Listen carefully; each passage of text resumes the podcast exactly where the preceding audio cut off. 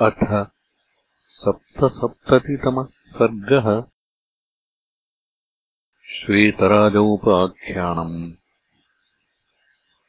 पुरा त्रेतायुगे रामः हिरण्यम् बहुविस्तरम् समन्ताद्योजनशतम् निर्मृगम् पक्षिवज्जितम्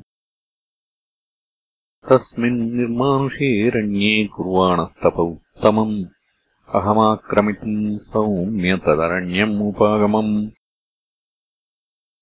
तस्य रूपम् अरण्यस्य निर्देष्टुम् न शशाकः। फलमूलैः सुखास्वादैः बहुरूपैश्च पादपैः। तस्यारण्यस्य मध्ये तु सरो योजनमायतम्।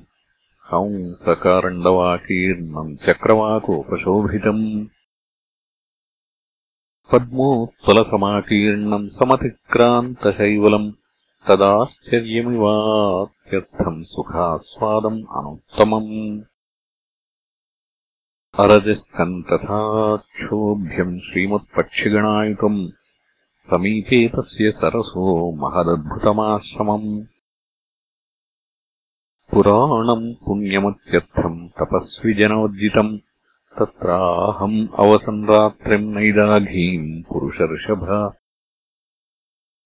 प्रभाते काल्यमुत्थाय सरस्तदुपचक्रमे तथा पश्यम् शवम् तत्र सुपृष्टम् अजरम् क्वचित्। पङ्क्तिभेदेन पुष्टाङ्गम् समाश्रितसरोवरम् तिष्ठन्तम् परया लक्ष्म्या तस्मिंस्तोयाशये नृप। तमर्थम् चिन्तयानोऽहम् मुहूर्तम् तत्र राघव उषितोऽस्मि सरस्तीरे किन्विदम् स्यादिति प्रभो। अथा पश्यम् मुहूर्तेन दिव्यम् अद्भुतदर्शनम्। विमानम् परमोदारम् हंसयुक्तम् मनोजवम्। अत्यर्थम् स्वर्गिणम् तत्र विमाने रघुनन्दन। उपास्ते सरसाम् वीरसहस्रम् दिव्यभूषणम्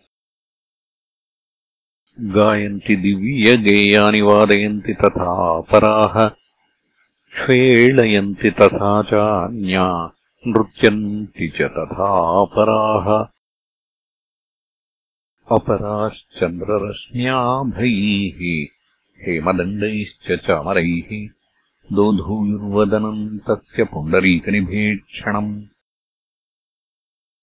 ततः सिंहासनम् त्यक्त्वा मेरुकूटमिवांशुमान् पश्यतो मे तदा रामविमानादवरुह्य च।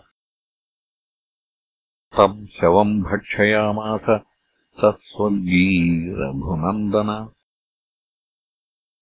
तथा भुक्त्वा यथा कामम् माम् सम् बहु सुखीवरम् अवतीर्यसरः स्वर्गी संस्प्रष्टुम् उपचक्रमे।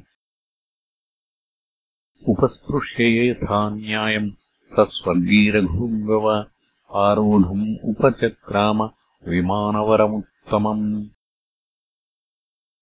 तमहम् देवसङ्काशम् आरोहन्तम् उदीक्ष्य वै। अथाहम् अब्रुवम् वाक्यम् स्वर्गिणम् पुरुषर्षभ। को भवान् देवसङ्काशाहारश्च विगर्हितः त्वयेदम् भुज्यते सौम्य किमर्थम् वक्तुमर्हसि